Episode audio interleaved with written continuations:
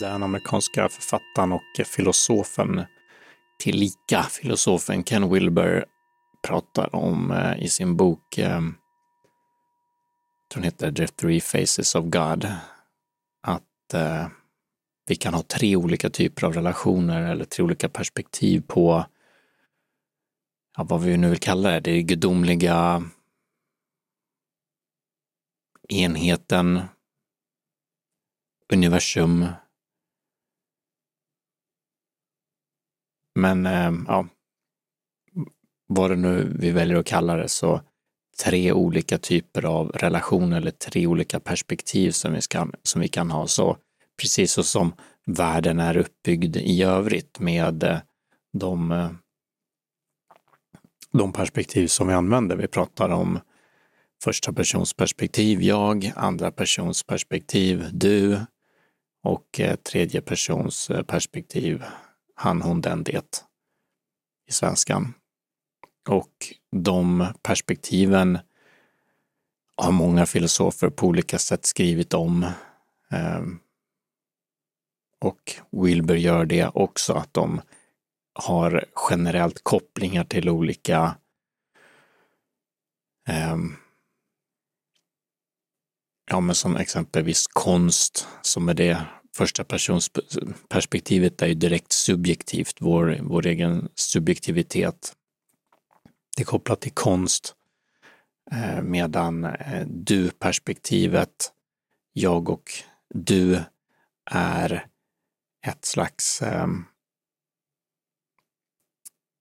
kulturellt perspektiv där vi har en relation, den, den relation, en relationell del i det mänskliga varat, så kultur faller under den kategorin och även då moral.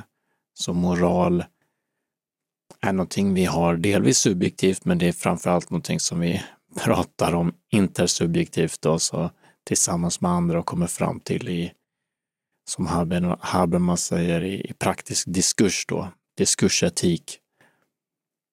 Och det är någonting som har med andra människor att göra mycket. Den gyllene regeln finns ju också.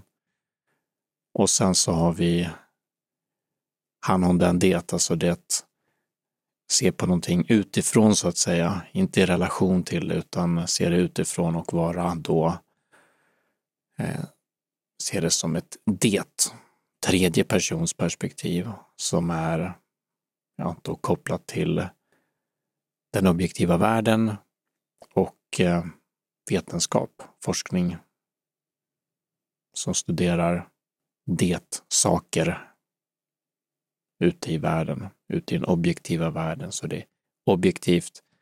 Jag-du-relationen är inte subjektiv medan jaget är subjektivt. Då vår egen upplevelse just nu är ju alltid subjektiv, men vi kan också i vår subjektivitet uppleva intersubjektivitet och relationer till andra och vi kan ha en delad upplevelse, ett slags eh,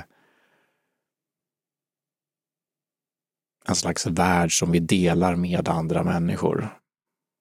Med en vän eller någon annan människa som vi har ett eh, slags eh, space, eller vad man ska säga, tillsammans, som är vår, vår intersubjektiva värld. Och tredje då, så har vi den objektiva världen som vi också upplever. Den infinner sig i vår subjektiva värld, men eh, när vi tar på någonting, tar på den här mikrofonen, så är den objektiv, kan vi säga. Vi kan mäta den och andra personer kan se den utifrån också.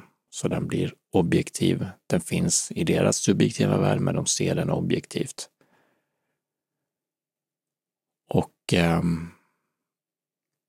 det här är också då relationer som vi kan tänka kring eller uppleva i relation till då det gudomliga, eller om man tar Gud då för enkelhetens skull, men det kan lika gärna vara universum eller någonting annat heligt eller eh, som skapar någon typ av eh, känslor som är eh, tänker på amerikanska ut, eller engelska uttrycket å, som vi blir hänförda av om vi har en mer eh, icke-religiös, ateistisk eh, hållning till världen och livet och oss själva eller Gud då, om man har någon mer religiös då, syn på det. Vilket fall så, om vi börjar med tredjepersonsperspektivet så är ju det igen det. Det är någonting som är utanför oss som ett berg som jag tänker spontant på Ramana Maharshi och en som var en engelsk, engelsk en, en eh, indisk guru eh, som levde på 1900-talet och han bodde vid ett berg som heter Arunachala. Och um, det berget sa han var en, tror vad var han sa, att det var en inkarnation eller att det var Shiva som är en hinduisk gud. Så han såg en slags eh, han hade en relation eller en, han hade en stark koppling eller dragning till ett fysiskt objekt, ett berg i det här fallet, och såg det som genuint andligt, andligt och vill inte gå därifrån. Och så ser det ut på många ställen i världen där människor besöker andliga platser, om det är heliga Birgittas eh, reliker i Vadstena kloster eller eh, Stonehenge i, i England eller eh, pyramiderna i Egypten. Alla de är exempel på saker i vår så att säga objektiva värld, den fysiska världen som vi upplever ändå som, eller många upplever som att bli antingen på den ateistiska sidan eller vad man ska kalla sekulära, bli hänförda av. Och kanske vissa även kan säga att de upplever någonting, kanske inte gudomligt, men någonting, en, någon typ av atmosfär eller energi eller så vidare som delvis går att, om man vill såklart, förklara bara i termer av det vi ser och eh, hur, hur, bara den, den situationen vi befinner oss i påverkar oss, att det inte är någonting, inga energier som inte går att mäta, utan det är bara det som är där, det påverkar oss på det sättet. Eller som många andra då, som är mer på den eh, andliga, icke-materiella eh, spåret som tänker att de här platserna har eller bär på en viss typ av energi, en typ av eh, kanske kunskap eh, som går bortom bara att vi blir hänförda rent eh, psykologiskt som förvisso är subjektivt. Men någonting som inte går att förklara med bara att vi ser de här sakerna, utan det är någonting som finns där mer som är ja, men andligt, eh, har med energier att göra eller någonting annorlunda, typ som, ja, men som är pyramiden eller Stonehenge eller relikerna då som man antar inom mycket inom eh, katolska kyrkan, att de bär på den här eh, energin, eller vad vi ska kalla det, som eh, då i det här fallet heliga Birgitta hade.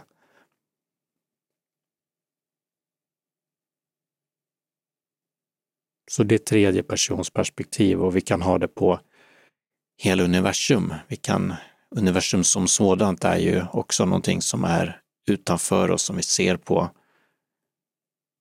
och det är jättestort och vi har det är oändligt. Eller hur man nu vill tänka kring det. Planeter, solar och galaxer och allt möjligt som finns i universum och hela jorden såklart också. Moder jord, moder natur och blir som eh, den då jorden är som en också kan ses som, ur ett andligt perspektiv, som ett slags väsen. Som att ha en typ av själ eller vara besjälad. Eller bara hänförelsen av att se jorden utifrån så många astronauter beskrev hur det var en typ av andlig eller hänförd upplevelse att se jorden från rymden. Då.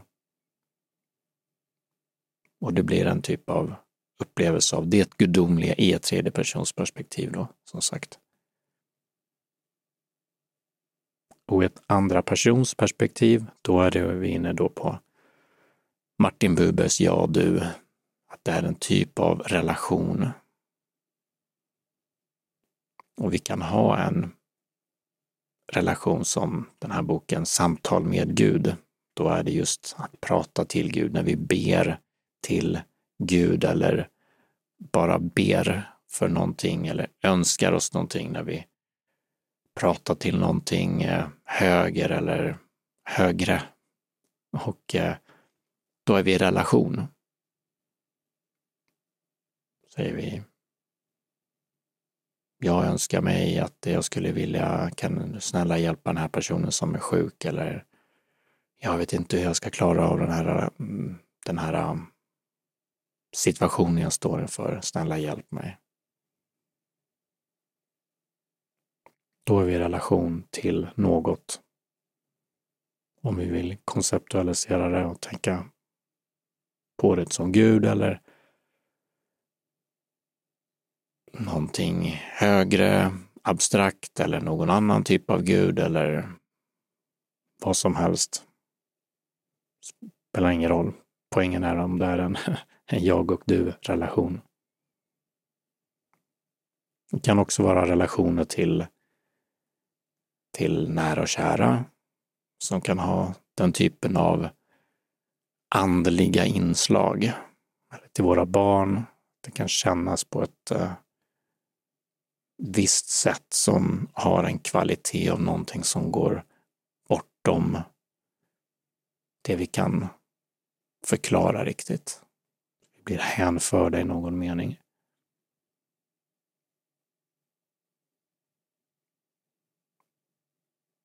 Och vi kan se också hur olika traditioner har fokus på olika saker, som i kristendomen är ju relationen till Gud rätt viktig.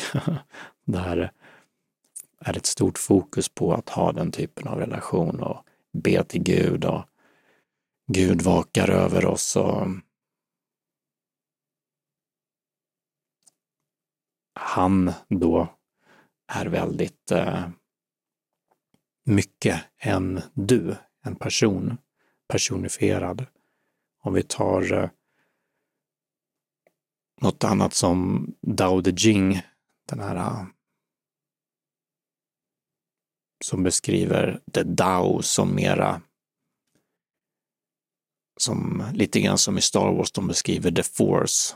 Någonting som är eh, universellt, någon kraft som genomsyrar världen ungefär, någon typ av energi, lite, lite åt det här med som energier också som finns i många traditioner, man kan kallas för chi eller kundalini-energin eller i kristendomen då hela anden. Prana pratar man om ibland i hinduism och buddhism. De, eh, där har vi ett mer tredjepersonsperspektiv igen då. Mer ett, någonting objektivt utanför oss som inte är i en jag och du-relation till. Och sen så har vi första personsperspektivet. Och det är jag. Det är just nu.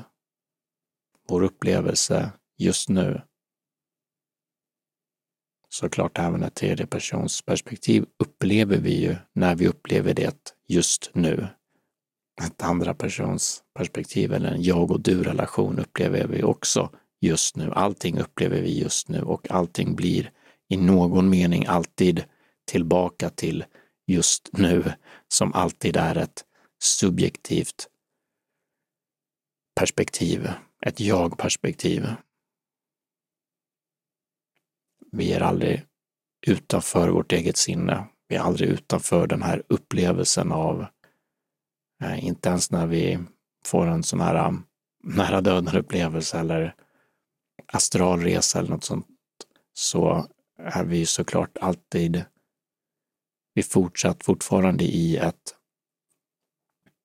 första persons perspektiv även om vi tittar tillbaka på vår egen kropp där på eh, i sängen eller när det nu är vi, vi får en sån, sådan typ av upplevelse. Så vår upplevelse är alltid subjektiv. Den alltid kommer inifrån. Vi ser ut, vi ser saker.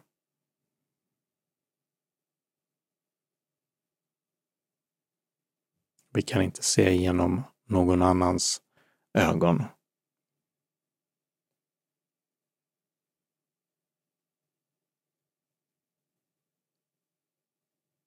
Och den här, äh, det perspektivet är ju något som de trycker på i buddhismen. För att ha en, en tradition som har fokus på det. Där är relationen till det gudomliga någonting som inte handlar om relation till någon gud, som finns i, finns inte så mycket sånt i, i buddhismen. Finns det, däremot i hinduismen finns det många gudar, en hel drös. Och det är inte heller fokus på så mycket, även om det kan finnas energier eller universum eller någonting utanför oss.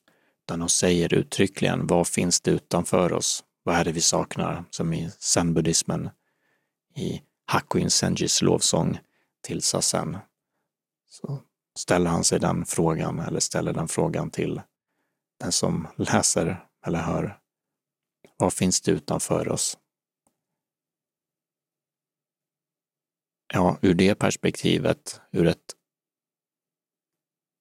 subjektivt perspektiv och ett subjektivt, en subjektiv relation till det gudomliga så har vi de här äh, traditionerna som pratar då om att vakna upp. Vakna upp och, som de säger i zenbuddismen inse din sanna natur. Så vakna upp till vem du är. Ramana Maharshi, den här indiska gurun, förordade att vi aldrig skulle lämna första, person, första persons perspektivet, aldrig lämna jag. Så, så fort jag går ut och tänker i andra persons eller tredje persons, att vi börjar tänka om andra människor eller prata med andra människor eller tänka på saker utanför oss, då menar han att då tappar vi bort oss själva här är lite grann mina ord då, jag vet inte om han sa så exakt, men när vi går utanför oss själva så den, en av de praktiker som han lärde ut och var mest känd för att han lärde ut var, förutom att bara vara i ren tystnad, att ställa sig frågan Vem är jag? Så det drar oss tillbaka från tillbaka från tredje, tillbaka från andra person, tillbaka till första persons perspektivet. Nämligen jag. Jag är första person. Och då säger han, vem är jag? Det är även en koan ofta i, i zen-buddhismen och andra traditioner som har fokus på det. Nisargadatta Maharaj, en annan indisk guru, satt ofta och mediterade bara över, och det är inte så bara, men men det är kortare då. I am, bara jag är. I kristendomen har vi det uttrycket I am that I am. I am that. I am. Så I am. Eller bara I. Bara jag. Så stanna vid jag den direkta upplevelsen av jag och inte gå ut då. Så precis som vi får lära oss i många meditationspraktiker som går ut på liknande grejer, att eh, där ska vi inte heller tänka på andra, vi ska inte fundera på saker, vi ska inte tänka dåtid eller framtid eller något sånt, utan vi exempelvis räknar andetagen. Så vi har fokus på någonting som är närvarande, härvarande, härvarande just nu.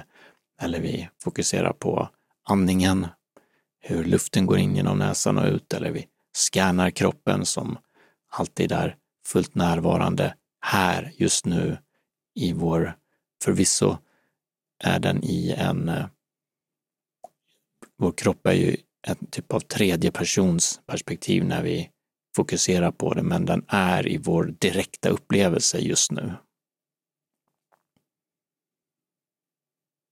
Så vi stannar något sånär eh, nära oss själva åtminstone. Men ramarna, han, likt hur de ofta gör i sen då, ställer frågan Vem är jag? Vem är jag? Och låter, eller ber folk att låta den frågan sjunka in och ställa den om och om och om igen. Vem är jag? Och så fort vi får en tanke, så fort vi går ut till andra person, tredje person, så säger vi Vem är det som tänker den tanken? Och svaret på den frågan är Jag. Jag tänker den tanken. Och då blir frågan igen då. Vem är jag?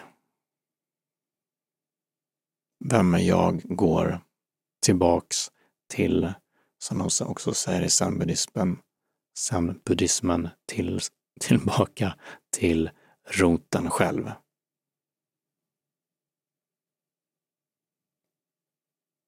Tillbaka till roten av det här subjektiva perspektivet.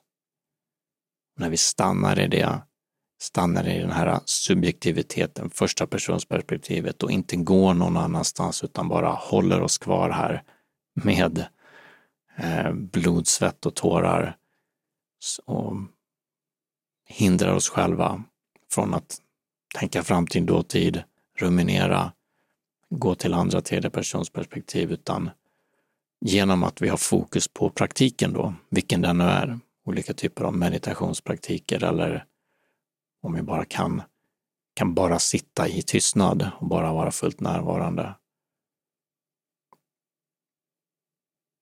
Då tränar vi om oss själva att få en annan typ av upplevelse i det här första personsperspektivet. Någonting som kan övergå till någonting som många av de här mystika traditionerna kallar för uppvaknande, upplysning, moksha, teosis, nirvana, fana. The peace that passeth understanding. Enhetsupplevelse. Persistent non-symbolic experience, oneness experience. Kärt barn har många namn. ren kärlek, ren subjektivitet, ofiltrerad. För vad som händer är ju att det här nirvana inträffar. Upphörandet av en upplevelse av ett jag. Så jaget som, vi, som pratar, som tänker, blir till slut ja, krossat eller ger upp eller ger vika eller ger plats för på något sätt stiger lite åt sidan, vilar ett tag och när det gör det så blir den här subjektiva upplevelsen någonting annat. Så den subjektiva upplevelsen är inte längre då en upplevelse av ett jag eller den identifikationen med det här jaget försvinner och det är fortsatt eller fortsättningsvis eller åtminstone i det tillfället mer som en, eh, en doft eller en eh, någonting som vi inte är utan vi känner så det blir Eh, objekt för oss skulle vi kunna säga, likt hur någonting i vår direkta omgivning eller vår kropp är ett objekt för oss. Så våra tankar, våra känslor, och det vi förknippar med det här jaget eller det vi tidigare var identifierade med blir till objekt för vårt inre eller för vår upplevelse. Och världen blir. Vi upplever att allting är ett. Enhetsupplevelse som sagt.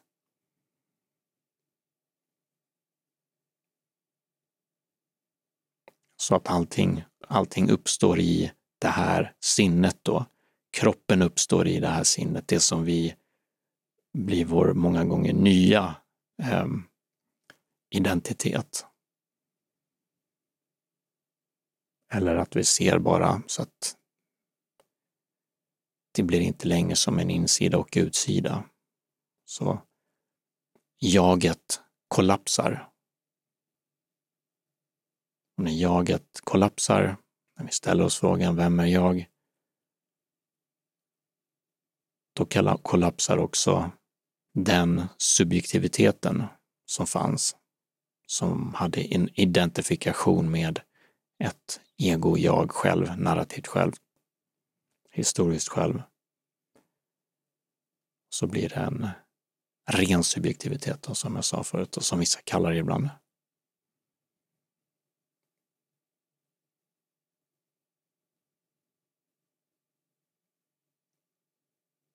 Mm. Så det är olika relationer vi kan ha som genererar olika typer av upplevelser. Och olika traditioner och religioner har fokus, mer eller mindre fokus på, på olika av dem. Jag menar de kristna mystikerna, de islamska mystikerna och de judiska mystikerna och hade ju, har ju alla den här direkta upplevelsen också.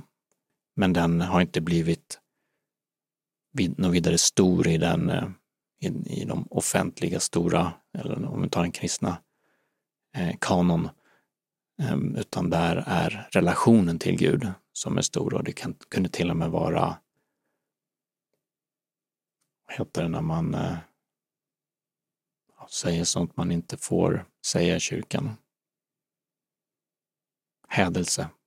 Att prata om det på det sättet, som att jag är Gud, för det är det som blir när tredje persons perspektivet och andra persons perspektivet försvinner. Så relationen till Gud försvinner också och det blir bara jag kvar. Kan låta narcissistiskt kanske, men det är den direkta upplevelsen att det finns ingenting utanför mig. Och således inte heller någon gud, inga gudar, ingen energi, ingenting som är utanför och inte heller i någon mening innanför heller, utan allting är en sak hela tiden. En värld, ett sinne, en kärlek, en gud också då, som vi ur det perspektivet alla är. Och det är ingen idé, även om det går att prata om det som en idé, utan det är också en direkt erfarenhet som går att göra för en stund men också gå att ha permanent och som persistent non-symbolic experience som Jeffrey Martin som använder det sekulära, en sekulär terminologi beskriver det på.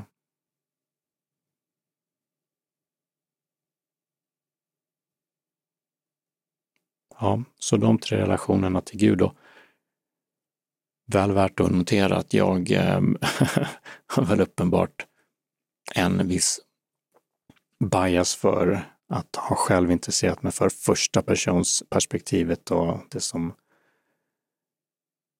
som sagt finns i alla traditioner men kanske mer kännetecknande för buddhismen då exempelvis som har ett fokus på, på just det, meditation och vakna upp och göra de erfarenheterna eller vakna upp till det. Men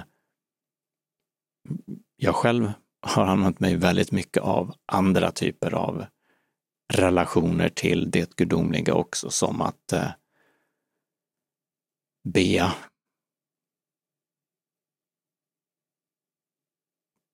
och även se på världen som gudomlig. En typ av att bli hänförd bara av universum, kosmos, jorden, olika platser och sådant har jag tyckt det varit kul att åka till som Vadstena kloster, som jag nämnde.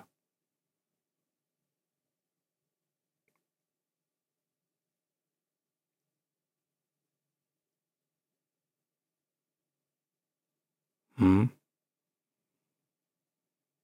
Det var nog det om relationerna till det gudomliga. Tack.